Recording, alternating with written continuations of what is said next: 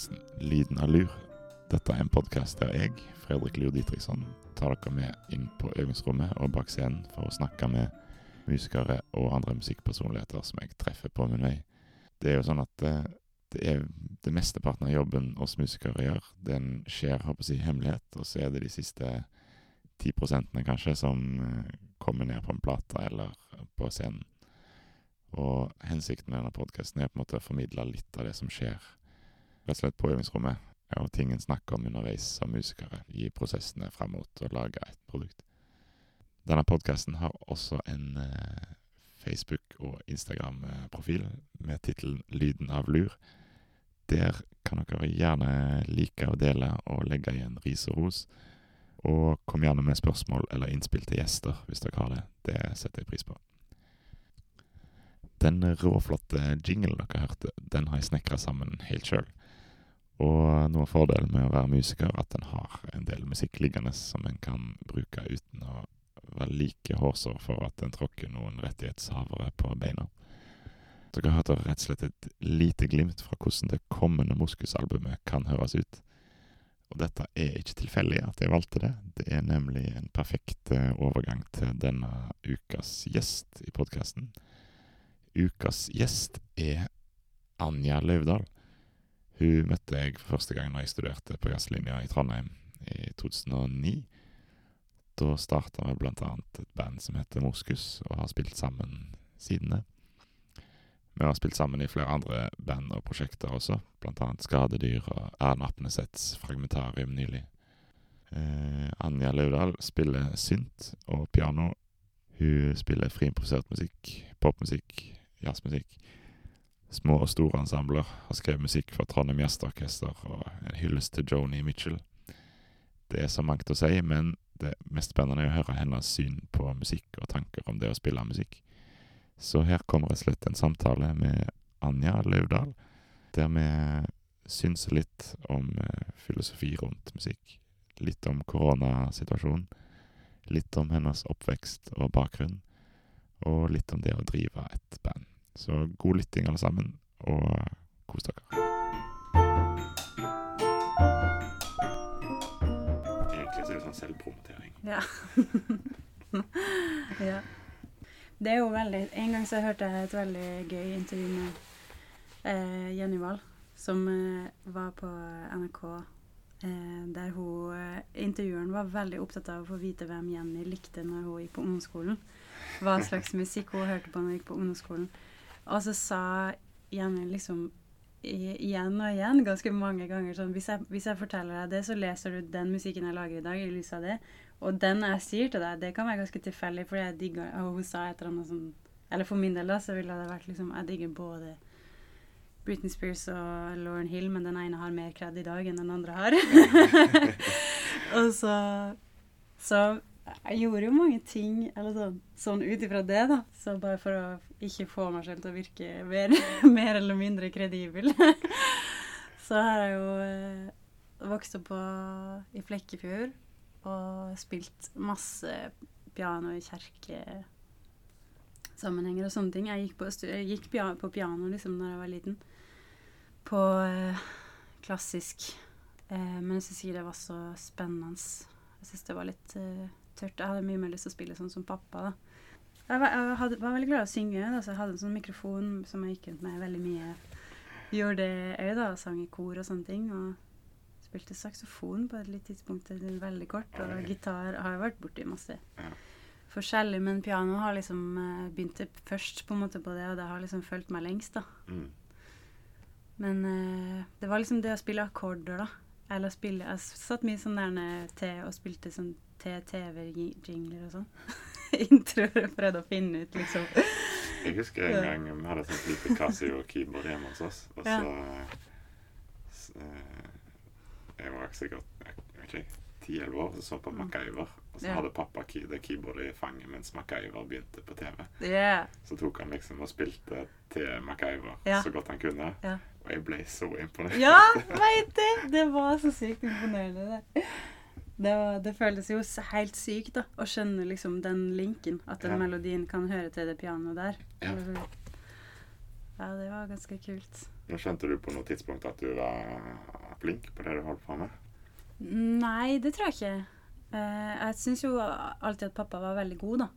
Og ofte hvis jeg satt og prøvde å finne ut av sånne akkorder, og sånn, så hørte jeg sånn E-mål fra, fra andre sida av stua. Og sånn, så det var liksom Jeg syns liksom det var veldig kult, da.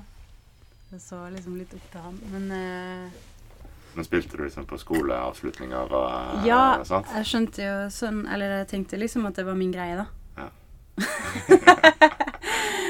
og så spilte jeg jo liksom Spilte firhandy med ei som het Mette, som på en måte ikke brydde seg så veldig mye i det hele tatt. Da, og da var det liksom Da husker jeg at eh, de liksom, de liksom prøvde å trekke meg fram og sånn der, da. At de liksom satte oss litt opp mot hverandre for å få frem konkurranseinstinktet og sånn, da.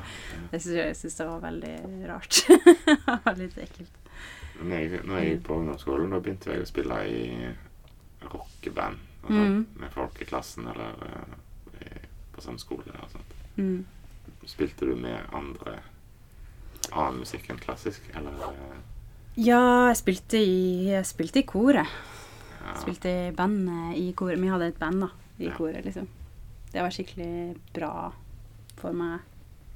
Det var, det var, da spilte jeg med folk, og så spilte vi Det var ei der som heter Hanne, da. Hanne Kalberg. Som eh, vi hadde veldig sånn opp, liksom felles opplevelser av musikk. Da gikk mye på biblioteket og lånte plater og sånn. Vi spilte mye sammen òg, bare vi to, da. Um, og så hadde jeg jo på ungdomsskolen liksom spilt synt og sang i et band da, som het Modesty. som var veldig bra. Og så hadde vi et veldig artig band som het Vikeplikt. Som var liksom vi venninne og broren min Vegard på trommer. Yes. Og det var skikkelig gøy. Og jeg spilte på PX-festivalen i Kvinesdal. Ja, her kommer det fram. Oh yes! Ja. Men det er jo Jeg tror Jeg tror det er utrolig bra for uh, unge folk å spille i band eller sammen med Ja, folk. Da. Og veldig ofte så er det mange som har for bakgrunn fra TenSig-musikk eller kormusikk. Mm. Eller fordi da, da får du trent så mye i praksis.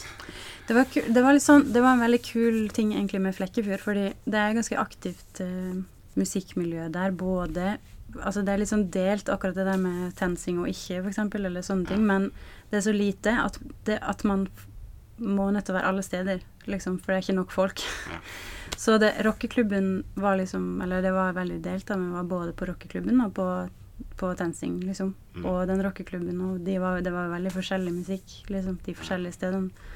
Og så var det en festival som var veldig viktig, som het Fjellparkfestivalen, som fortsatt går. Som er liksom Norges eldste rockfestival. Og. Du, det, jeg googla deg før du kom. Ja. For jeg må vite, jeg få vite Artig at du gjorde det. hvem har det med å gjøre. Og da står det på Wikipedia. Ja. Og da står det at du vokste opp i miljøet rundt uh, Fjellpark. Gjorde det? Eller noe Wow. wow. Kult. Så nå vet du det. Da vet jeg det, ja. ja men det, for, det, for det var veldig forskjellig. Eller jeg begynte på musikklinja i Kristiansand når jeg ble så gammel. Mm. Og det var ganske annerledes miljø, husker jeg, sånn musikk, musikkmessig. Fordi det er veldig spesielt, akkurat det i Flekkefjord, at det er veldig sam, samla Eller var i hvert fall det da jeg vokste opp. Mens eh, Kristiansand, som er litt større, der har på en måte nok folk til at du kan være mer atskilt. da, Så det var ikke så mye kommunikasjon mellom leirene, følte jeg, da. Ja. Så det var litt eh, annerledes. Mm. Men da, da bodde du på hybel da du flytta til Ja, da bodde jeg på hybel. Føltes det som du skulle satse, siden du da på en måte måtte flytte hjemmefra og begynne på musikklinja? Og det var på en måte et nytt eh, next level i musikk? Jeg vet ikke. Litt, kanskje. Jeg var, jeg var jo litt eh, seriøs, på en måte, men jeg hadde ikke noe ambisjon om at jeg skulle bli musiker. Jeg tror ikke jeg visste på en måte at det gikk an, egentlig. Helt. Husker du når liksom første gang du tenker at uh, etter videregående da skal jeg fortsette med musikk? Jeg husker ikke at jeg tenkte det akkurat sånn spesifikt, men jeg var på veldig masse konserter. Som, altså, det var en veldig aktiv jazzklubb i Kristiansand akkurat da. Ja. Som var drevet av Guro Skomsnes Mo, tror jeg, og eh, Håvard Skaseth og litt flere folk. og de Og Lars Kurverud, han som jobber på Musikkhøgskolen. Og de var så bra. Og vi fikk lov Vi hadde kontakt med dem, vi fikk lov å komme inn med sånn kryss på hånda og sånn. Det var, bra, det var sikkert 16, da. Og da, eller da var, så jeg jo på en måte musikere som var musikere og levde av det. Og det, jeg gjorde for så vidt det i Flekkefjord, men jeg, det liksom, jeg tenkte ikke den tanken så veldig. Men da, liksom, var, for da var vi liksom på konsert flere ganger i uka, tror jeg. Eller jeg husker det som det, da. Eh, og folk som gikk på konsten og sånn. Og, Jeg husker jeg har liksom opplevd det som er veldig inspirerende hvis det ikke er så stor avstand, f.eks. i alder Ja. eller nivå, til de du mm, ser opp til. da, det var noe med det, sikkert, ja. Hadde du sånn i Haugesund? Eller var det sånn Ja, altså, jeg husker Jeg husker jeg hadde det sånn Jeg gikk jo på musikklinja, og da jeg da hørte på Pat Metheny, liksom, så Ja. var det bare så så fjernt? beyond. Eh, Ja, ja. Jeg, jeg skjønte ikke hvordan jeg kunne bli lærer med de tingene der. Mm. Men så plutselig så var det en gang eh, noen studenter fra jazzlinja i Trondheim var på sånn studieturné, og så var de i Haugesund. Og det var jo kanskje bare ja, jeg vet ikke, tre-fire år eldre enn meg. Mm. Og de var jo dritgode. Men Mm. måte, å ja, noen av de tingene der kunne jeg fått til sjøl. Mm. Kanskje ikke alt. Og da ble på en måte veien Mm. Jeg fikk iallfall en idé om hva jeg kunne jobbe med for å komme, komme der de var. Ja. Det husker jeg veldig tydelig. ja. Og det er sånn forskjell fra å ha pappetini på iTunes eller på i, det, iPod. ja. Og liksom bare, da bare så langt unna at eh, jeg visste ikke hvor jeg skulle begynne. Jeg tror jeg på en måte behandla all musikk litt sånn som det lenge Eller jeg var på en måte veldig opptatt av norsk musikk, eller norsk jazz. Hørte Ja. veldig mye på det. På, på videregående og sånn. På liksom Urban Connection og det, sånn Stavanger-band. Masse folk fra Stavanger. De der kloroform og, Ja, ja, og sånn eh, eh, Han Øyvind Storesund som liksom spilte i Kaizers og gjorde sånn andre ting. Det er liksom jeg syns det var veldig fett, da. og, og Maria Kanegård Trio og Mathias Eik og ja, det var flere liksom som hadde liksom liksom visste om noen, da. Mm. Og da var det litt sånn det, eller, Og de er ikke så forskjellige i alder heller, det er jo kanskje ti år allerede også. Eller noe sånt. Ja. Visste du at noen av de hadde gått på på eksempel folkehøgskole? Nei, jeg har aldri hørt om det før eh, helt på slutten av videregående. Så det at du slengte, slengte inn søknad til Sund, det var bare Det var han eh, Gisle Søren, jeg har glemt hva han het etter etternavn, men jeg fikk en lærer som eh, var en eh, fyr som eh, gikk da på Konsten i Kristiansand. Og så begynte jeg Det husker jeg, det var skikkelig sånn eh, stort eh, øyeblikk, fordi jeg, jeg sa Jeg husker veldig godt på en time med han da, på videregående siste halvåret, så sa jeg sånn at jeg, jeg likte liksom Erlend Skomsvold. Og mm, hørte han i Kom Shine og med et annet Trondheimsorkester eller et eller annet sånt. Men liksom Men han, jeg syns han spilte så rart, liksom. Og jeg tror kanskje jeg kanskje sa det fordi jeg hadde hørt noen andre si det, eller liksom jeg bare, Fordi jeg likte det veldig godt, og så pusha han meg skikkelig på det. Han bare sier 'Hva er det du liker med det? Hvorfor liker du det?' og sånn der, da. Og så, og så etter den samtalen så, begynte, så sa han sånn 'Men eh, du burde jo søke på Sund'. Og jeg bare Jeg var Sund?' og så, så gjorde jeg det, da. Så hadde jeg sånn opptaksprøve på, over telefon med hun, Live Maria Roggen som hørte på. Og det var veldig sånn Å, shit. Jeg var så nervøs og gikk ut av en time liksom, på skolen for å ha den opptaksprøven på telefonen, for demoene mine funka ikke. ja. Men det var litt sånn Eller det var et eller annet som var litt kult med det. At han liksom sikkert skjønte det, da, at jeg egentlig digga det, men at jeg trodde at det var rart. Eller noe, eller at jeg hadde fått en sånn idé om det, da. Men det er av og til sånn hvis det er noe, noe som er litt mystisk, da, som jeg ikke klarer Ja. å gripe helt, Ja. så blir en interessert, men det samtidig så er det litt rart, fordi du har kanskje ikke hørt noe som ligner før. Ja, eller- klarte ikke helt å plassere det, på en måte, eller skjønne hva det var han holdt på med, sikkert. Ja. Arran, de var jo dritkule sånn i utgangspunktet. Det var mer sånn sånn han spilte piano, fordi han er jo veldig sånn eh, Ja. Jeg husker en, en litt lignende historie. Det Første gang jeg hørte noen spille ja, kanskje var en Atomic-låt eller noe sånt Mm. på plate, som var sånn rubato-tema. Ja. jeg, måte skjønte, jeg skjønte ikke hvordan det gikk, hvordan gikk det an å spille på en måte nesten likt, og så liksom sveiver det i gang, og så stopper det litt opp, og så ja, ja. plutselig var det videre. Og nå er det jo sånn Sånn har vi spilt masse i mange band. Du vet, på, på Synne på med den Lonely Woman, og Ornette Coleman, og så, og så går det liksom en, en groove Ja. som er liksom ganske stram, og så spiller man liksom over den, men i sin egen sin egen time, eller sitt eget Ja. tempo. Det var så sjukt. Hæ, hva er det som skjer? Åssen henger det sammen?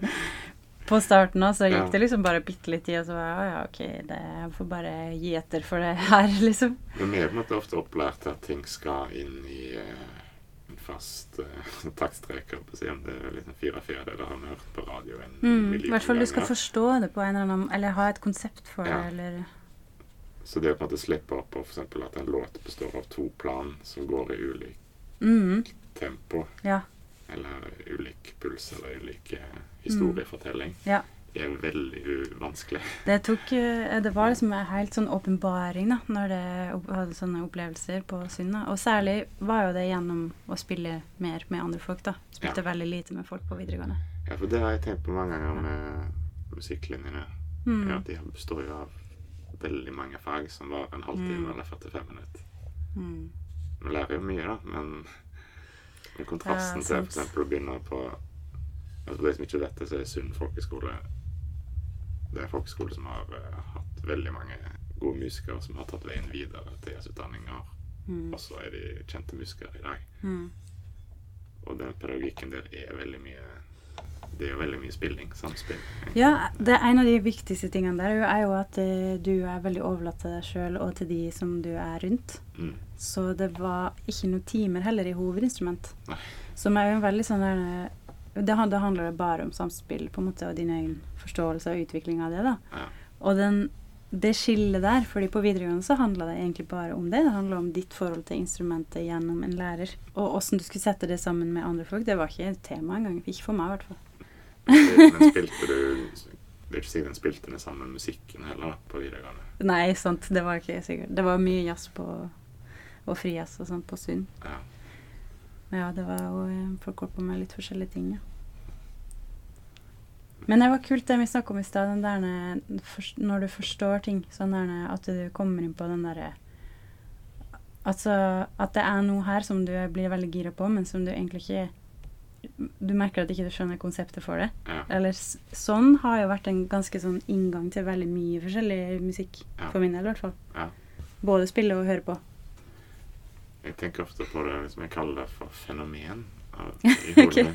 Det, du skjønner at det er noe, men du skjønner ikke hva det, Ja. hva det er. Ja. Og det er ikke sikkert en mestrer det noen gang heller. da. Nei. Det er jo ikke det at en Men det er jo det som er litt fett, da, for, fordi det er så kult Eller sånn som det, da, at du kaller det for fenomen. mm, Det er sånn typisk eh, Eller mus musikk eh, Det fins jo så mange måter å konkretisere det på, men det er jo noe som ikke finnes i språk, liksom, og, og Ja. sånne ting.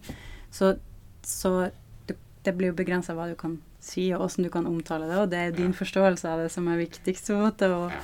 alle sånne ting. Så det er jo så på en måte fint Eller det er i hvert fall en, en kvalitet som jeg har tenkt på mye i det siste, at det er en veldig bra ting med å jobbe så lenge og grundig med musikk at du får mange sånne Sånne Altså en slags sånn åpen holdning for ting som du ikke forstår, da. Ja. Kanskje. Ja. Eller et eller annet sånt.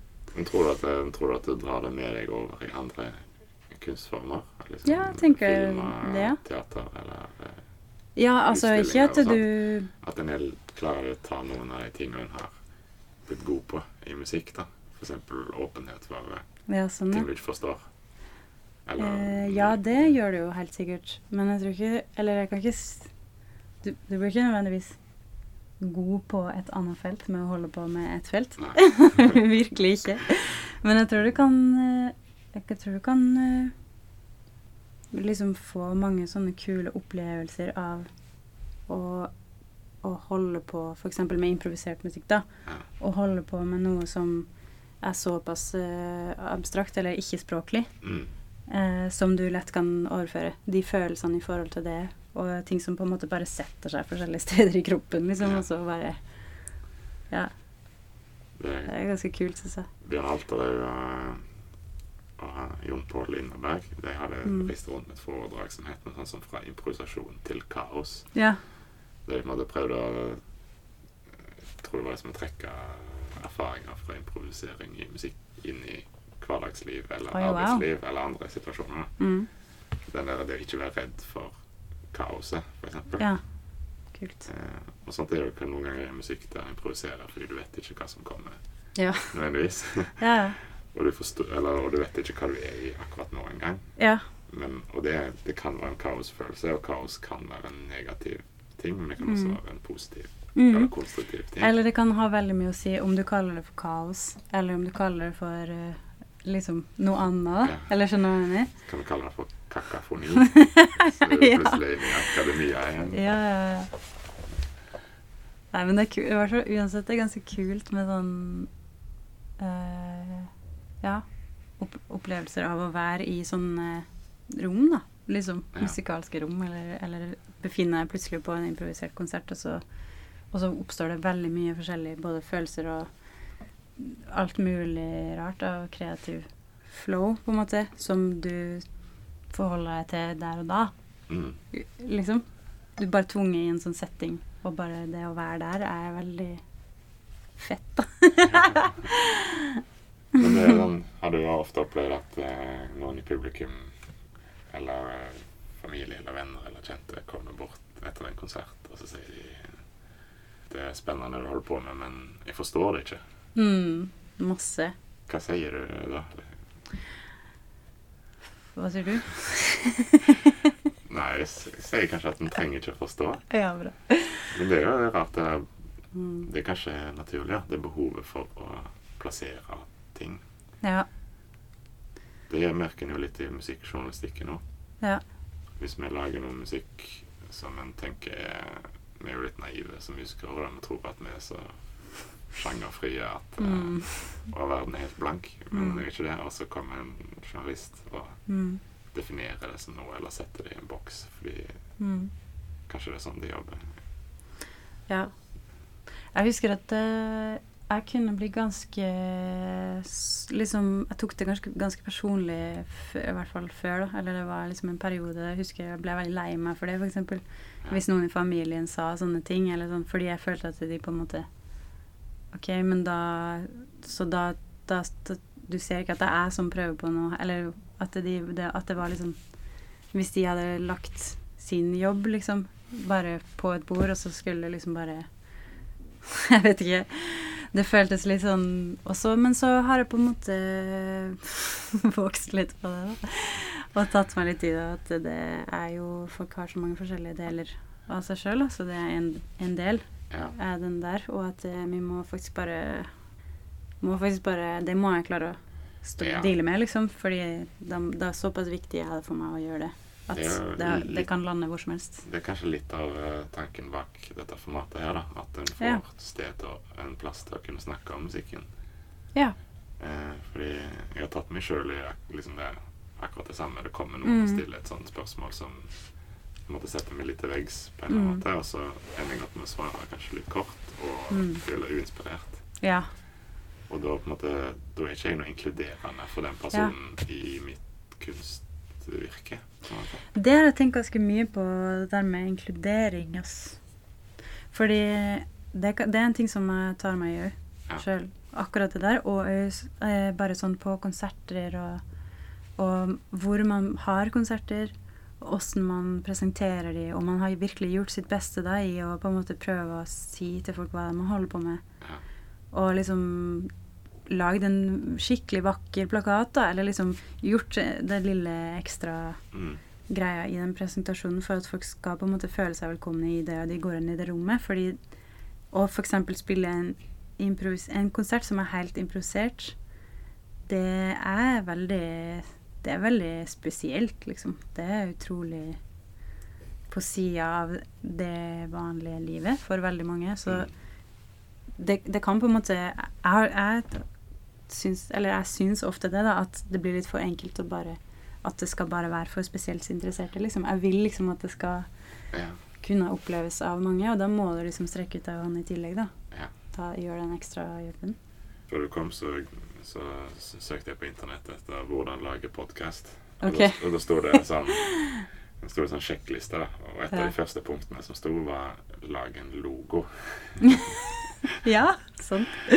Eh, og det er jo Mm. altså Det er jo Det underliggende der var jo at dette skal jo på en måte prøve å treffe flest mulig folk. Mm.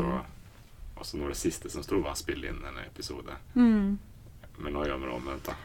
Ja, men det er Begynner bra, det. episoden. Men det er jo Ja. det samme med en konsert. da, at Mm. Hvis du ønsker at den skal nå ut til noen, så er, Mm. kan vi ikke være så naive og tro at uh, alt skjer under jorda og hemmeligheter. Må på en måte Ja. Åpne armene og si 'her skjer det noe kult'. Velkommen ja, ja. inn. Ja. Og jo bedre den prestasjonen rundt er, Mm. kanskje desto mer eh, puristisk kan du være i sjølve framføringa av musikken. Det er i hvert fall noe veldig gøy der, da. I det liksom midt imellom der. Det skjæringspunktet. Ja. For eksempel, vi spilte jo med Moskus på Henny Onsdag for, Mm. eh, for et par år siden. Mm. Da var det jo masse publikummere der som var De hadde kanskje ikke hørt om Vant til å gå på men de var vant museum til å nå. gå på museum. Mm. Og komme inn på en måte for hele konserten vår med ganske åpne Mm. ører. Mm. De får kanskje et helt annet utbytte enn om de hadde gått på en jazzklubb og hørt den samme konserten. Absolutt. Du hører på en annen måte, ja. Ja. Jeg synes det, det var veldig interessant det der med Henny Jonstad, fordi det har på en måte vært et samarbeid der før mellom museum og da Svein Finnerud Trio, som var husband der. Mm. Og det samarbeidet var på en måte veldig stort og definerende for uh, mange ting, i hvert fall nå, da, i egentlig en viktig del av norsk jazzhistorie. Ja. Men det har på en måte ikke blitt spilt så veldig mye videre på. Den der linken mellom jazz og kunst, f.eks., den var ikke til stede, Hvis følte jeg. det, det, er, hvis du har, det er rart, det. Hvis du har funnet en Ja. som funker. Altså, Ja. Men det krever jo et ansvar at noen tar, ja, noen tar tar det. den jobben det å holde initiativet i gang. Ja, for det er så kult, den derre opplevelsen, eller ja, å komme inn i et eh, rom som er Der du er vant til å se kunst, da. Så Ja. den måten å oppleve på er så Ja, bare har en annen ramme, liksom, som gjør at du trekker ut noen andre ting, liksom. Men det med presentasjon, det har jeg tenkt litt på nå etter at eh, koronaen Mm. slo til. For da har det jo vært mer sånn at de konsertene som gjennomføres, da må folk kanskje de må bestille billetter eller booke på forhånd. Mm. Det er kanskje dyrere. Og folk sitter én og én, eller Mm. separert. Så plutselig så er den sosiale ramma rundt betyr mindre. Mm. da er det kanskje lettere å gå inn i musikken. Har du gjort deg noen tanker om konserter før og etter? eh, Ja, absolutt. Jeg er helt enig. Jeg, jeg liker, det, liker det veldig godt, egentlig. Det har vært òg veldig sånn skjerpende, føler jeg, for de, for de som spiller. Håper jeg. Eh, Det er i hvert fall jeg har opplevd. Mm. Når vi spilte med Moskus på Punktfestivalen i Kristiansand, da var det lenge siden vi hadde spilt konsert. Og det bare Altså, vi på en måte Jeg vet ikke om det var Kanskje jeg overdriver, men vi hadde jo en sånn holdning før at det var liksom bare gå rett fra én ting og så rett ut på konsert eh, på scenen, og så gå ut et annet sted. Eller liksom at det på en måte var bare en sånn symbiose, liksom Mm. i livet, men det derre ritualet at det er litt høytidelig, at du går på konsertscenen. At du, du liksom Det er jo akkurat det vi snakker om, litt inkluderende og respektfullt, da. Jeg fikk veldig sansen for det. At det, det føltes viktig, på en måte. Jeg følte òg veldig viktig Det føltes viktig å være publikummer på konsert Ja. etterpå. Ja. Det har jeg tenkt masse på. Kom, akkurat nå kom jeg fra Nathalie Abrahamsen hadde en sånn prøveforestilling på KIO på Kunsthøgskolen. Ja. Og liksom gjort skikkelig arbeid. da, Og liksom forberedt en stor, eh, et stort rom med veldig mye ekstraarbeid og liksom noen ritualer i forkant og etterkant av den greia. og liksom sånn jeg har virkelig jobba for å gi noen ting, da. Merker at jeg er så sultefòra på sånne ting at jeg blir så utrolig glad for den opplevelsen, liksom. Ja. Jeg blir sånn wow, har du lyst til å gi dette til meg? Og så er det liksom Uansett hva det er, eller hvordan, så er det liksom bare den gesten i seg sjøl er så utrolig digg. Jeg tror det kan være en eh, oppvekker Mm. for eh, både arrangører og musikere og Mm. publikum. At uh, Og det å ha mindre konserter. det er jo ja. Men nå vet ikke jeg sånn jeg har ikke, For eksempel dere spilte jo på med på der på Riksscenen, ja. for eksempel. Der er jo sånn TV-team og sånne ting involvert. For det har det jo òg vært mye mer av. Det var det som heter Folkelarm digital. Mm. Og det var ingen publikum. Nei. For det var, nå, nå er det liksom full shutdown i Oslo. Og det var snodig erfaring. Jeg tror det ble bra. Eller jeg håper det ble bra for de som så på. Og jeg tror vi spilte bra, men du vet, hvis du er i studio og spiller inn en plate, da er du veldig konsentrert og masse Mm. mikrofoner. Og på en måte tenker at nå skal jeg spille denne låta eller dette partiet så bra som mulig. Mm. Og så spiller en når båndet går, og så når låta er ferdig, så kan du på en måte si hva du vil. Du kan juble eller Mm. banne eller Nå var det jo filmkamera, og det var en konsert, så etter at du spilt en låt, så var det sånn det var ingen applaus. Men du kunne heller ikke blåse ut med å si noen kommentarer Mm. in internt i bandet, som jeg ville gjort Ja. Som jeg ville gjort i en annen sammenheng, eller på øving. Mm. Men ble det bra musikk av det, følte du? Eller åssen ble musikken, liksom? Jeg tror, altså jeg tror det ble ganske konsentrert musikk. altså at Vi, vi, vi var opptatt av å spille presist og, og Mm. sånt, men at det kanskje ble litt mindre energi. Mm. Volumet var litt lavere. Eh, litt redd for å gjøre for mye krumspring. For det Mm. ville, På en vanlig konsert så ville jeg kanskje noen steder ville vi kanskje tatt sjansen på å gjøre noe, Mm. Noe nytt.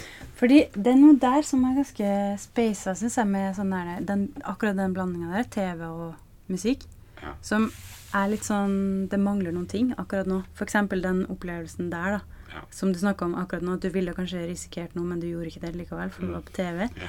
Det er så sykt annerledes enn det, Jeg snakka med Espen Reinertsen om det her, og han sammenligna det med sportssendinger. At når TV skal bruke sport, eller filmes sport, eller så går de dit sporten er, så finner de den, så får de, finner de de sjukeste øyeblikkene, liksom, og filmer det med ti kameraer inn på det, zoomer inn på det bitte lille greia som skjer akkurat der mellom de to fotballspillerne, eller mellom den, den han fyren som er dritnervøs før han skal hoppe, og liksom Ja. de tingene der, da. Mens alltid Eller det er en ting som jeg Jeg vet ikke, det fins sikkert bra ting med det òg, men en ting som forsvinner når man har musikk på TV, i hvert fall nå om dagen, er at musikk på en måte føles som at den blir liksom underlagt TV-mediet på en eller annen måte. Det var jo litt sånn at man kunne ikke stå der han ville hvis vinkelen ble feil for kameraet og sånt. Se for deg at du skulle ha fått en skiløper til å gå liksom en ekstra liten sving, fordi man måtte få med en sånn Ja. svansing Må, på må få litt bedre bilde, så det Ja. bare gå rundt. Ja. Men apropos TV, det er jo blitt mye mer musikk på TV nå enn Det var for et år siden. For eksempel. Mm. Heldigvis. Det er kjempebra. Og det vet jeg jo du har snakket om. Jeg vet det. Jeg bryr meg så så. Det er bare fordi de tok vekk alt. Ja. Plutselig. Bare tok vekk alt, og så glemte de å ha noe igjen. Men tror du at det kan Mm. eh, Tror du at det kan At musikk på TV kan få en sånn eh, Ja, tror du ikke det? Tror du ikke de der jeg, jeg føler folk i hvert fall ble veldig obs på det plutselig. Det, og de der små innslagene som kommer på NRK mellom Ja. Programmer og Jeg sånn. så, og jeg bare- så Sondre Lerche om dagen før nyhetene eller et Ja. Eh, Jarle Bernhoft var det. Det var Og dritbra. det fins jo jo, utrolig mange bra norske musikere og Mm. artister som Og så mange folk som driver og holder på med det der nå, da, og prøver Ja. å få til sånne ting. Mm. Hun, eh, hun som er teateranmelder på NRK, nrk.no, ei som heter Karen Eller på en måte Nystøl, jeg husker ikke helt. Ja. Men hun eh, har jo fått mer og mer plass, virker det som. F.eks. å skrive teateranmeldelser på nrk.no. Mm. Og det er så gøy å Ja. lese, og det er så grundig og, og kule betraktninger, liksom. Sånn, sånne, sånne ting for musikk, hadde, det hadde jeg hatt så godt av det. Det er litt eh, ensidig akkurat nå at på en måte nett skal liksom være ungt på NRK, for Ja. Så der er det bare ting som er linka med P3, for eksempel. Mens hele kultur kulturkanalen P2, den eksempel, hvor er musikken i den? og- Den er jo ikke synlig på nrk.no sine nettsider. Nei, for sånn. eksempel, ja. Og heller og musikk eh, Sånn musikk på radio har jo blitt veldig lite. Jeg elsker Ja. eksempel programmet til Svein Terje Torvik på, Ja. som heter Atlantis, men det ble tatt av. Men litt av grunnen til at jeg spør, er fordi du har jo Ja, journalistutdanning. det- Det er ikke sikkert alle som vet det. Men, eh, gjør det at du tenker som journalist? Nei, det bare gjør at jeg blir veldig frustrert. Sikkert på grunn av de tingene her.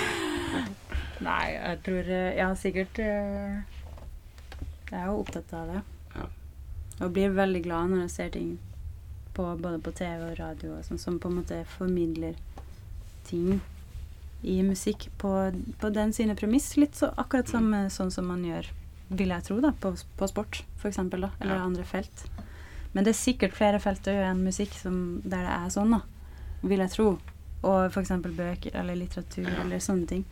Jeg syns jo det Bokbadprogrammet eller Arkitektenes hjem eller sånne ting som på en måte tar opp noen fagfelt, Mm. det er veldig lett overførbart. Ja. Men det, det som jeg ser for meg, det er jo litt det samme som å gå på konsert eller eh, skrive en reportasje for NRK. er at Mm. Det krever litt mot å lage et program Mm. eller et TV-program eller radioprogram og stole på at seeren eller lytteren Mm. har tålmodighet nok Mm. til å lytte til det som blir sagt, hvis en, Ja. hvis en vil litt i dybden på noe. Mm. Og problemet, eller utfordringen ofte i musikk, i radio eksempel, syns jeg at det blir veldig Intervjuer eksempel blir veldig raske eller overfladiske fordi jeg tenker at det skal passe for alle. Mm. Ja, ja. Og da blir på en måte det kanskje det intervjuobjektet sier, blir veldig generelt. Mm. yeah. Litt sånn som eh, hvis, jeg er litt, sånn- hvis jeg er litt stygg, så er det på en måte litt sånn som i sporten nå. Hva føler du nå? Altså, jo, jeg er glad for jeg vant. Og det er på en måte selvsagt, men, Mm. men det er litt, kanskje litt sånn som du var inne på i stad, at det er vanskelig å sette ord på ting som er abstrakt. Mm. Eller det tar tid å Ja, nettopp derfor er det jo kanskje litt viktig å prøve å finne der det er øy, da. Ja. Så, men det har vært noen veldig fine sånne ting nå, da. Sånne, sånne, sånn som alle de der små klippene som går på NRK, da. Ja. Fra, fra steder der musikken har skjedd, Ja. liksom. Og det er så fint. Det er Mm. utrolig ja, ja, utrolig bra.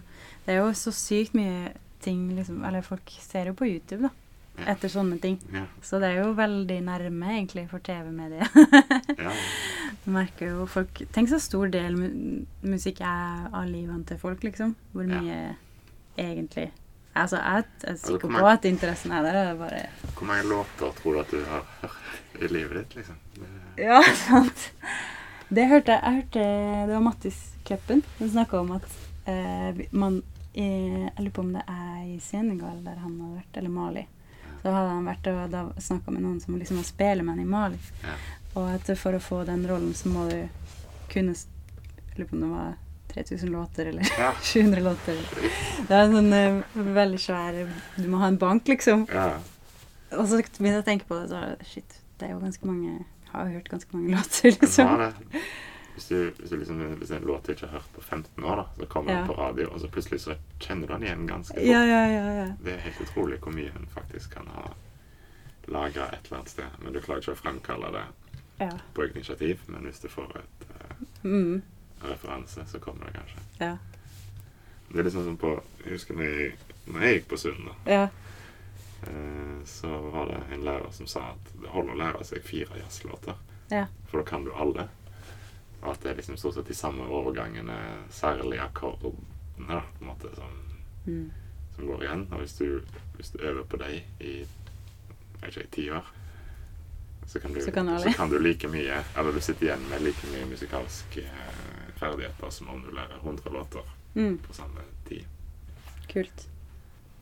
Ja, det er jo sant, det. Det er jo noe i det hvis du, hvis du øver på noe Det trenger ikke være nødvendigvis jazzrelatert, men hvis du har en spesialkompetanse som du har øvd masse på, Mm, en teknikk eller en skala eller hva det måtte være, mm, og så skal du lære deg noe, noe annet eller noe som ligner, da kan, alt, da kan du kanskje ta utgangspunkt i det Mm. du er best på, og så tuner du det litt over. Altså Karate Kid-filosofi. Ja. ja. Men føler du det Mm. sånn? Du, er- du har jo ikke en sånn Du har ikke spilt standardlåter siden du var ti år, liksom? Du, det har jeg faktisk nå denne høsten. Fordi eh, vi kjøpte kontrabass i gave til pappa. 60-årsgave. Og han holder på å lære seg standardlåter, så nå har jeg spilt masse.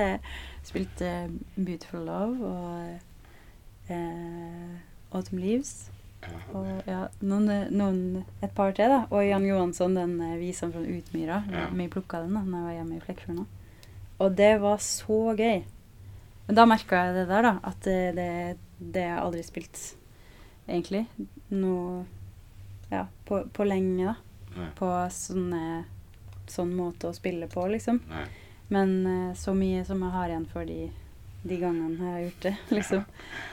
Eh, og, og plutselig nå så dukker det opp ting som jeg på en måte ikke var så interessert i akkurat når jeg studerte jazz, men som plutselig har blitt relevant, da. Så det er jo veldig gøy det der med at en har med seg Det er noe med det, det husker jeg jo Jon Pål snakka om, Jon Pål Lindeberg, en gang.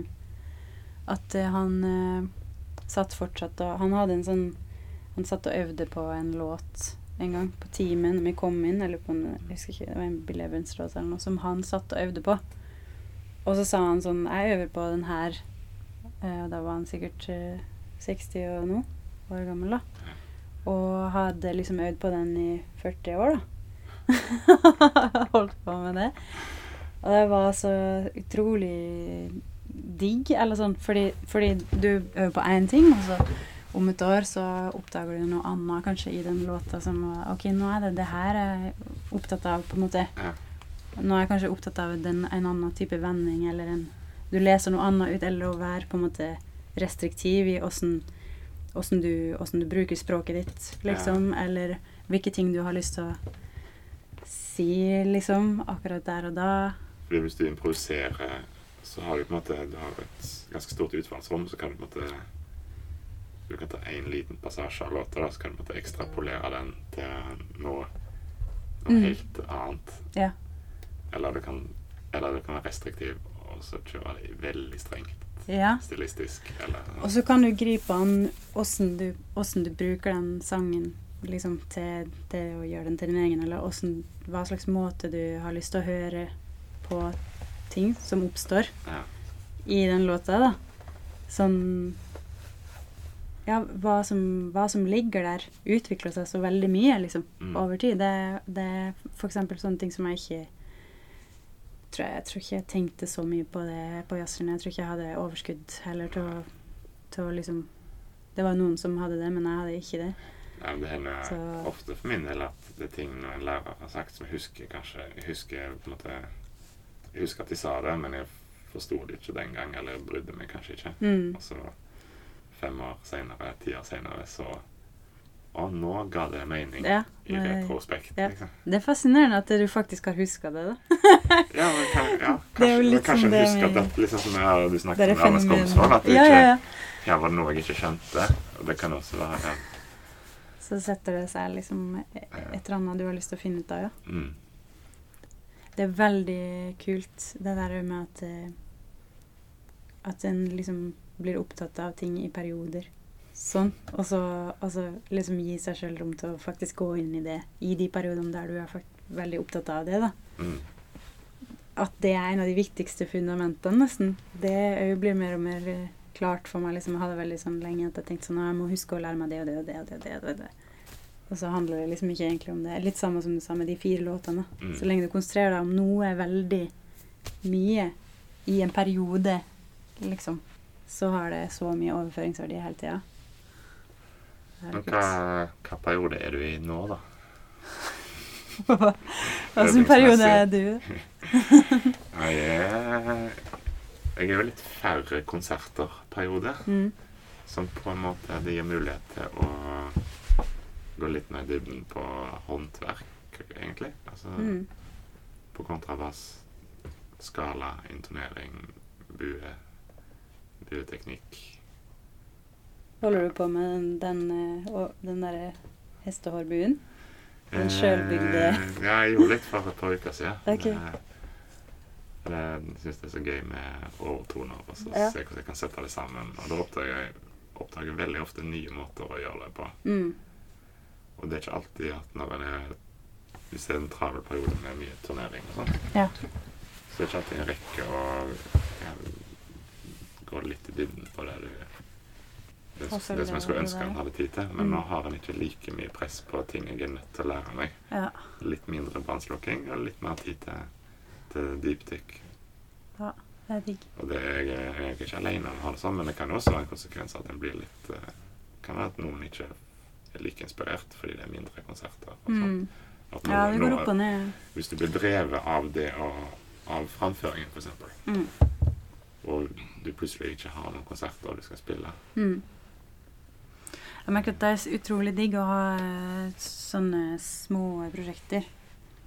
Så, fordi en er jo vant med å ha små deadlines hele tida pga. at det kommer én konsert og så litt sånne ting, liksom.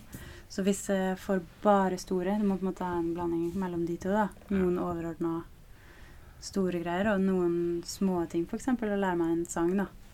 Så Men jeg hadde noen veldig fine klassisk pianotimer som jeg har fortalt om før, men eh, Mm. med ei pianist som heter Goste. Som eh, var utrolig bra, sånn for begge oss to, egentlig. Men eh, for meg så var det egentlig det beste at uh, Fordi jeg, som jeg snakka om i stad, den der med klassisk piano, at det var så fjernt. Det var av noter, og av måten man lærer det. liksom, Åssen man bruker det, åssen man lærer det. Og liksom Hun, hun, hun sa en sånn der at hun, hun ga meg og Vi gikk gjennom, analyserte to takter. Eh, og så sa hun skriv over hva det er. er det en, hva er det for deg? Hva slags mønster? Er det en G-moll 7? Eh, er det, det den beste måten for deg å huske det mønsteret? Og så kanskje fire forskjellige sånne mønstre over de to taktene. Og så før jeg på en måte hadde linka det, så tok hun vekk nota, og så skulle hun spille det bare etter det mønsteret du har lagd deg sjøl. Og så plutselig ble den klassiske musikken så mye mer fysisk for Ja. meg, da. Så det har vært skikkelig kult å ha nå. Nå har jeg på en måte jobba med det på Ja. den måten, og, og sunget ting fra klassisk Liksom sunget sånne Bach-linjer og sunget sånne eh, på, på en måte brukt det på samme måte som jeg ville gjort med noe jazzmusikk eller noe annet. Mm. Kan jeg si at, du, at, du på en måte, at den blir mer opptatt av det lydlige eller klanglige i Ja. musikken? da, på et vis? Mm. Absolutt. At det, det får liksom komme ut Ja. mye kjappere enn det gjorde før for meg. da. Ja. Og det er jo så gøy, for det skjer så mye med språket, sånn musikalske språket av det, da. I improvisasjon og sånne ting etterpå. Av å, Mm. å bruke sånne Og det er så lang Det husker jeg snakk, Det var Håvard Vik som sa en gang. At eh, det, var så, det er så lang eh, klassisk tradisjon på piano, så så det er så rart å, å ignorere den, på en måte. Man må ha med den òg, liksom. Det, det instrumentet er liksom utvikla som det. Så du får så mye Eller sånn djup, eh, litt djupere forståelse av instrumentet. da. Så det har vært kult. Det er liksom både stort og lite prosjekt på samme tid. Det er veldig kult. Men du, til Punktfestivalen som var nå i høst, så skrev du musikk. og dette det et grep du gjorde i forkant av, før du begynte å skrive den musikken? Det var Eller skjedde det liksom side om side? Ja, eller kanskje litt parallelt, ja. Ja. Litt sånn eh, For da skrev du for uh, strykekvartett. strykekvartett og trommer og kontrabass, da. Ja. Så det var liksom en slags uh, sammenblanding, fordi det er jo veldig det, det er jo veldig sånn format, det der med pianokonsert i klassisk verden. Og jeg syns jo det er jo litt fascinerende med sånn eh, ting Altså sånn så, For eksempel jeg, lenge så syntes jeg det var veldig vanskelig å spille på hemmenorgel på B3, fordi det lå så mye referanser i det. Og, på akkurat og så plutselig så syntes jeg det var gøy, fordi da kan du liksom komme over de, eller bruke de referansene til noe, eller finne på noe. Så litt, på litt samme måte så er jo pianokonsert en litt sånn storslått og pomp pompøs ting, liksom, som, Ja. som er veldig fantastisk, da. du har lov til så sjukt mye. Ja, man kan jo bruke det til sin fordel. Ja, men det er det man kan. Og så så jeg en uh, pianokonsert av Kristine Kjøgersen, der hun ikke spilte piano i det hele tatt. Hun, hun holdt på inni pianoet, Ellen Ugelvik, som òg var veldig sånn mm, Veldig fin opplevelse eller forståelse av det, hva det er, da, det formatet. Mm. Så jeg, egentlig var det bare det. Jeg hadde lyst til å finne ut hva det var for meg. Og så Og så Så tenkte jeg ganske mye på hva det er Eller prøvde ut forskjellige ting. Hva det er som føles ut som jeg kan bare fortsette på det lenge. I mange år. Hvilke elementer er det jeg har med meg, på en måte. Som ikke føles tvungne, eller som jeg bare kan holde på med, liksom. Og prøve å oversette det til lyd. Det, men det er jo sånn som med referanser. Det, er jo- du nevner klassisk pianokonsert. og Det er jo det samme i, i jazzens verden. Så er det liksom Mm. pianotrioen som, Mm. som Ja, som det har jo mindre vi bale drevet og bala med, åssen man skal liksom forholde seg til det, det med solistgreier og Det er jo ikke til å komme utenom at selv om hvis min mor skulle tenke på alle som likestilte, så har det på en måte eh, rent klanglig så er pianoet Mm. et annet eh, Ja, hva tenker du om det, egentlig? Det, det er liksom, som bassist da, så er du, du er i et annet register hvis du spiller litt lyst eller litt høyt oppe på pianoet. mm. Og jeg kan på en måte ikke nødvendigvis konkurrere med det. Eller jeg kan kanskje konkurrere med det, men Du gjør jo det øret øret til lytteren Ja. er på en måte så har hørt melodier spilt på piano så mange ganger Mm. at det oppfatter en som en melodi. Men hvis jeg, hadde, hvis jeg på en måte gjør det samme på bassen, så er det ikke, er ikke sikkert at det blir Mm. like lett oppfatta som, Mm. en. Kanskje folk hører det bare som en sånn veps. Mm. Kanskje. Eh, så- Ja, hva, hva men, syns men, du det, om men det er ikke nødvendigvis det er ikke sånn Jeg oppfatter ikke at det er sånn vi tenker på det innad i bandet. Som at pianoet stikker seg ut mer enn Mm. en de andre instrumentene. Ja. Men jeg tror jeg kan forstå hvorfor en lytter utenfra ja. oppfatter det sånn. da. Jeg tror eh, i hvert fall at jeg syns det var veldig problematisk skikkelig lenge. Ja, vi har jo hatt, eh, Det er ikke- en hemmelighet. I, I Moskva så har vi jo snakket om disse problemstillingene Ja, mange ganger. I, Både i ulike faser. på bra og dårlig måte, jeg håper jeg. Ja. Vi har fått veldig både bra og dårlig utfall av de samtalene, føler jeg. Vi har liksom fått virkelig kjørt oss på Men veldig bra i det store og det hele, så er det veldig sunt, da, tror jeg. Ja. Men eh, jeg syns det var skikkelig sånn eh, komplisert en stund, det der å liksom melde noe, virkelig, og være min egen verden, men samtidig ikke ta for mye plass, og prøve å liksom legge liksom en slags Lage en slags åpenhet sånn felles og sånne ting, og at mye av det ansvaret eh, i det hierarkiske, fordi det naturligvis er et hierarki der, bare basert på pianoet som instrument. Og det syns jeg var så komplisert, og så på et tidspunkt så bare slutta det å være komplisert. Ja, var, det, var det noe spesielt som gjorde det? Eller bare Nei, jeg tror kanskje bare, i hvert fall for min del, så at jeg aksepterte at det var sånn. Og at uh, det er veldig fint. Uh, at det er fett, på en måte. At ting leses i en kontekst, og at du kan bruke den konteksten. For da kan du plutselig bruke spillet på det med vilje. Ja. Det snakket med om på en øving her nettopp at Mm. La oss si du har en veldig referansesterk eh, melodi eller sjanger, eh, Mm. eh, låt, Mm. så på en måte en kanskje Hvis den låta er sving, Mm. glad sving i dur, liksom, så er det jo det det er. Ja. En kan ikke på en måte de, Eller det er ikke nødvendigvis noe hensikt å dekonstruere den låta så mye at det ikke er sving, og at den ikke er glad lenger. Mm. Da kan jeg heller spille noe helt Noe helt annet, ja. Altså bare på en måte dyrke det som oppstår, Ja. istedenfor å Mm. springe fra det, da. For Ja. det var litt det samme med de rollene. Ja. At jeg var så redd for å liksom dyrke det, da. Det, det liksom solistiske, eksempel, med piano. Men, men det er jo så, så kult, liksom. Mm. Altså det er jo, Den konstellasjonen er jo veldig kul av en grunn. Fordi den, den legger til rette for en, en eh, fellesskap i gruven som er veldig gøy å jobbe med. Og alt sånt der. Og så har man liksom masse friheter allerede av den lange historien, føler jeg, da, som vi har med det bandet der vi på en måte har prøvd å unnslippe de strukturene. Så har vi liksom heldigvis med oss mye av det. Men men det er fett å liksom dyrke det litt, da. Og, de, og sammen med referanser. Sånn, hvis det dukker opp noe som er litt i den og den verden, eller at det blir tydelig for oss, så vær med det, liksom. Bare vær Ja, og så er det noen ganger sånn at en oppfatter ting som veldig definerende som musiker sjøl når du spiller det. mm, Hvis du hører det utenfra, mm, så er det kanskje ikke så tydelig likevel. Mm, Og særlig på sitt eget instrument. Så du, hvis du på en måte tenker piano og den akkorden Oi, nå er det veldig typisk Ja. Levens, liksom. ja. Mens for en lytter så er det så mye annet som skjer samtidig. Nå spiller de så fort, eller det er så sakte at den akkorden er ikke det viktige. Det er viktige, Ja, ja.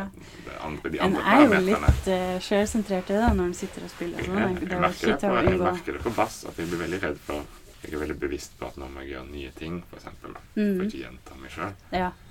Men det er ikke sikkert at de jeg spiller med, har hørt at det er en gjentagelse en gang. Kanskje vil de ha en gjentagelse, sånn at de får med seg det. Ja, de kan endelig respondere på Ja. det i, på, i sitt eget tempo, da. For hvis alle flytter seg, hvis alle alltid flytter seg, Ja. så er det da ingenting igjen?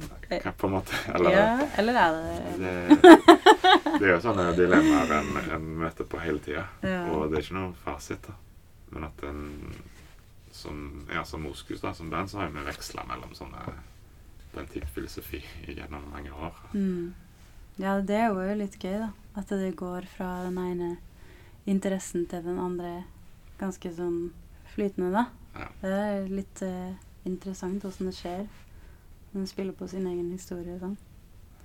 Men det er veldig fint. Det er jo veldig kul sånn at det, det finnes så mange folk som løser det formatet så veldig forskjellig.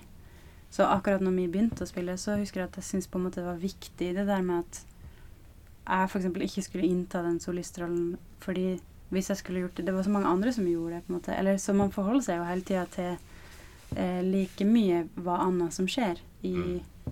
samt, Eller i miljøet rundt og i, i Og i forhold til historien og sånne ting. Og så blir det kanskje Når du har liksom holdt på litt en stund, så blir sånne ting litt mindre viktig, for de har liksom litt mer eh, ballast og litt Ja. mer å stå på. Det blir ikke så farlig, liksom.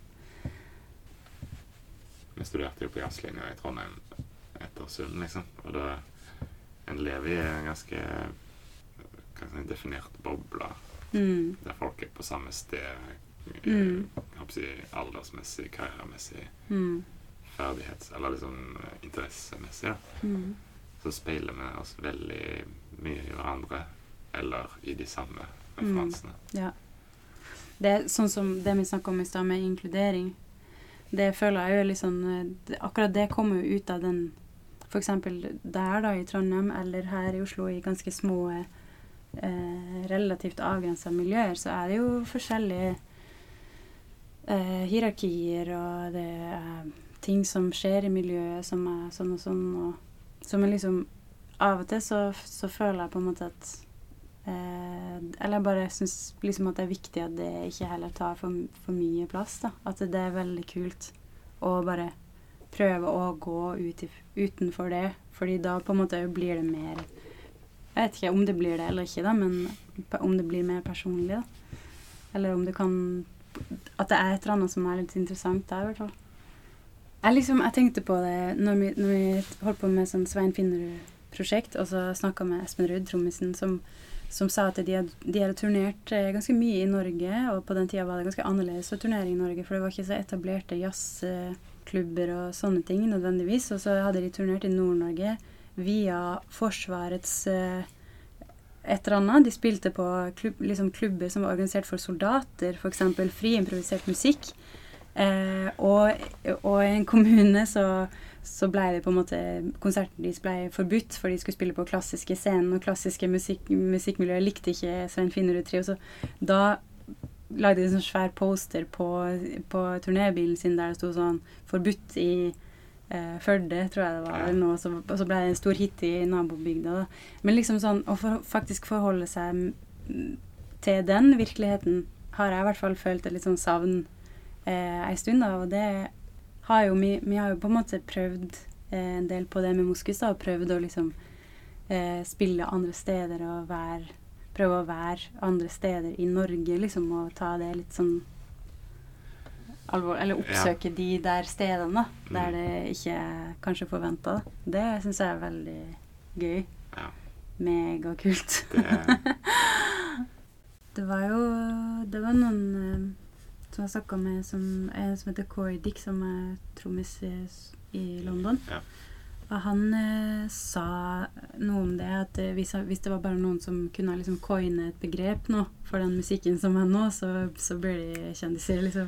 ja, så De, kan- folk har jo gjort det i kalle det måte, perioder. Hvis vi kunne kalt det indie, for en del. Det var jo noen som coina frijazz, eller liksom Ja. Ornette Coleman, og Paul ble sur for at Ornette Coleman gjorde det fordi han Nei, jeg vet ikke om det er sånn, men det er en historie der. Men liksom, det er jo mye som skjer nå som kanskje hører løst inn under den paraplyen, men som har andre referanser òg. Ja, Internettgenerasjonen. ja det, det har jeg muligheter. Jeg er vokst opp i Haugesund. Mm. Det festival som heter Silda Jazz. Mm. Og jeg, mitt, min definisjon av jazz var sånn parade og Mm. street parade uh, New Orleans-musikk. Jeg vet ikke at jeg, jeg mislikte det ikke, men det var på en måte det var det avgrensa hele min definisjon av jazz. Mm. var sånn musikk. At det var sånn, ja. Så første gang jeg hørte Jeg spilte litt mye gitar og sånn, så første gang jeg hørte Thea Rypdal, Mm. så fikk jeg helt sånn bakoversveis. For jeg syntes det var dritkult. Mm. Og jeg skjønte ikke helt hva han holdt på med. Nei. Og så var det noen som sa at ja, dette er jo jazz. Eh, norsk jazz, liksom. Mm. Jeg trodde ikke på det, liksom. OK, hva tenkte du det var? Nei, jeg, vet ikke. Det var noe sånn noise-rock, liksom. Ja, Eller et eller annet eh, Et eller annet mystisk eh, Mm. udefinert. Ja. Og spennende. Det er ikke sikkert andre hørte det på den måten, men Mm. jeg hørte liksom ut fra at jeg spilte litt gitar, og jeg hadde spilt litt rock, og så var det lignet det litt på det, men det var ikke helt det heller. Ja. Det var jo men det var ingen trompeter og ingen marsjtrommer eller ingen paraplyer. Så, jeg hørte Jan Gabarek med Hilliard Ensemble på Majas. ja. Og det er jo det er sånn kvartett eller sånn eh, vokalgruppe med Det er sånn, litt sånn middelalder. eh, Ja, jeg tror det. Ja. Og han, da, Mm. på saksofon. Så jeg var sånn Hæ? Hva er det Eller åssen Og det var liksom i Stavanger konserthus. Og, og jo Jan Gabarek med Marilyn Masur og Hva er det Eberhard Weber han heter han? Bassisten. Ja. Det var hun òg. Jeg syns hun var så kul. og det er jo ikke noe jazztrommer eller liksom. Det er jo en svær Det er en svær innhegning liksom med forskjellige greier og Det er ikke noe sving.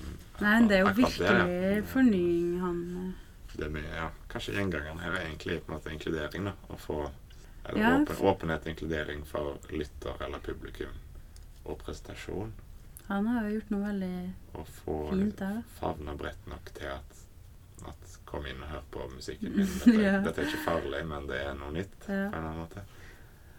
Men er det så farlig, da? Eller det er kanskje det? Jeg vet ikke. Nei, jeg, altså, jeg tror ikke det er farlig, men jeg tror mange tenker at dette De, de setter en merkelapp på det på forhånd da, hvis presseteksten er Hvis konteksten er jazzklubb. Det kan godt være. Så, Det tror, jeg, så tror jeg, det mange, jeg tror det er mange som ikke går på den konserten bare Og nå snakker jeg ikke ned jazzen, liksom, men bare Mm. av eh, vane. Mm. Så går de ikke på den. De går på filmklubben istedenfor, Mm. eller noe annet. Det handler jo litt om de strukturene som er på en måte bygd opp for noen eh, i en periode, da, og så har det på en måte forandra seg nå, da. Ja. Men eh, broren min er en, en av de. Ja. Han, eh, har, han er supermusikkinteressert, aldri hørt på jazz. Han syns det har vært helt uh, utrolig sånn gammeldags. Og så nå her om dagen så sa han sånn Har du hørt om Jan Gabarek? og jeg bare ja, ja, har du liksom Og jeg satt den på og syntes det var så fett, da. Og jeg bare Wow! Jeg, jeg liksom har aldri tenkt Han hadde ikke tenkt på det som jazz, da. Eh, så det, det har bare med liksom åssen opplevelse man får først Ja. av det, da. Eller liksom, og om man kan få lov til å finne det sjøl.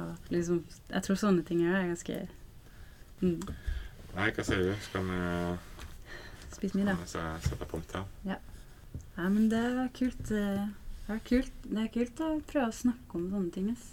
Artikulere det litt. Når jeg gikk på Journalisthøgskolen, så, så hadde vi sånn radiokurs. Ja. Og da var det Så sa hun en sånn Når jeg liksom snakka, så sa hun sånn Ja, har du tenkt å få jobb i Nattønske, eller? For jeg snakka så sakte og litt sånn trett. Ja, Så det er liksom balanse mellom å snakke dritfort og være søvnig, da. Fordi det er jo litt forskjellig. ja det er mye jeg skal ta stilling til. Nei, nei, men det var Anja Lauda, Ja, folkens. Takk for praten. Ja, det var Anja Løvdale. Jeg håper dere har hatt en fin lytting, og at dere gjerne følger denne podkasten framover.